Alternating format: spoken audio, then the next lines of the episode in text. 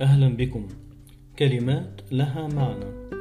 كتب الأستاذ مفيد فوزي يقول إن لم تحلق بجناحين وتفكر بجسارة وتركب الصعب وتحذف من قاموسك كلمة مستحيل وترنو للأفق البعيد داهمك اليأس واليأس بوابة الرحيل.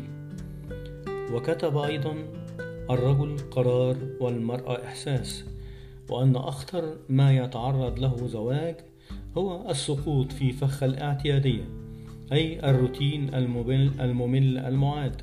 فقد تتحول الزوجة إلى نمط الأخت تقريبا. وكتب أيضا أن لا تسبق زوجتك أثناء السير لتكن خطواتك محاذية لخطوتها وهذا من أدبيات وآداب السير. وكتب أيضا ليس كل امرأة مطلقة هي امرأة فاشلة فربما كانت قد تخلصت بنجاح من زوج فاشل. كتب أيضا يقول ظاهرة الكروش في الأوطان العربية هي نتاج حشو البطون أم جهل تغذية أم انعدام حركة أم نقص رياضة.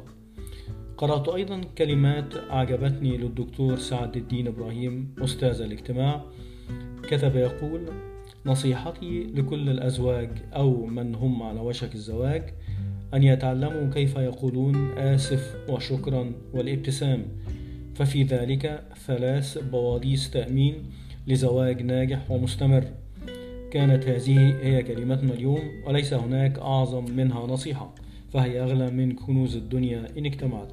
شكرا لحسن الاستماع وإلى لقاء غدا في حلقة أخرى إن شاء الله.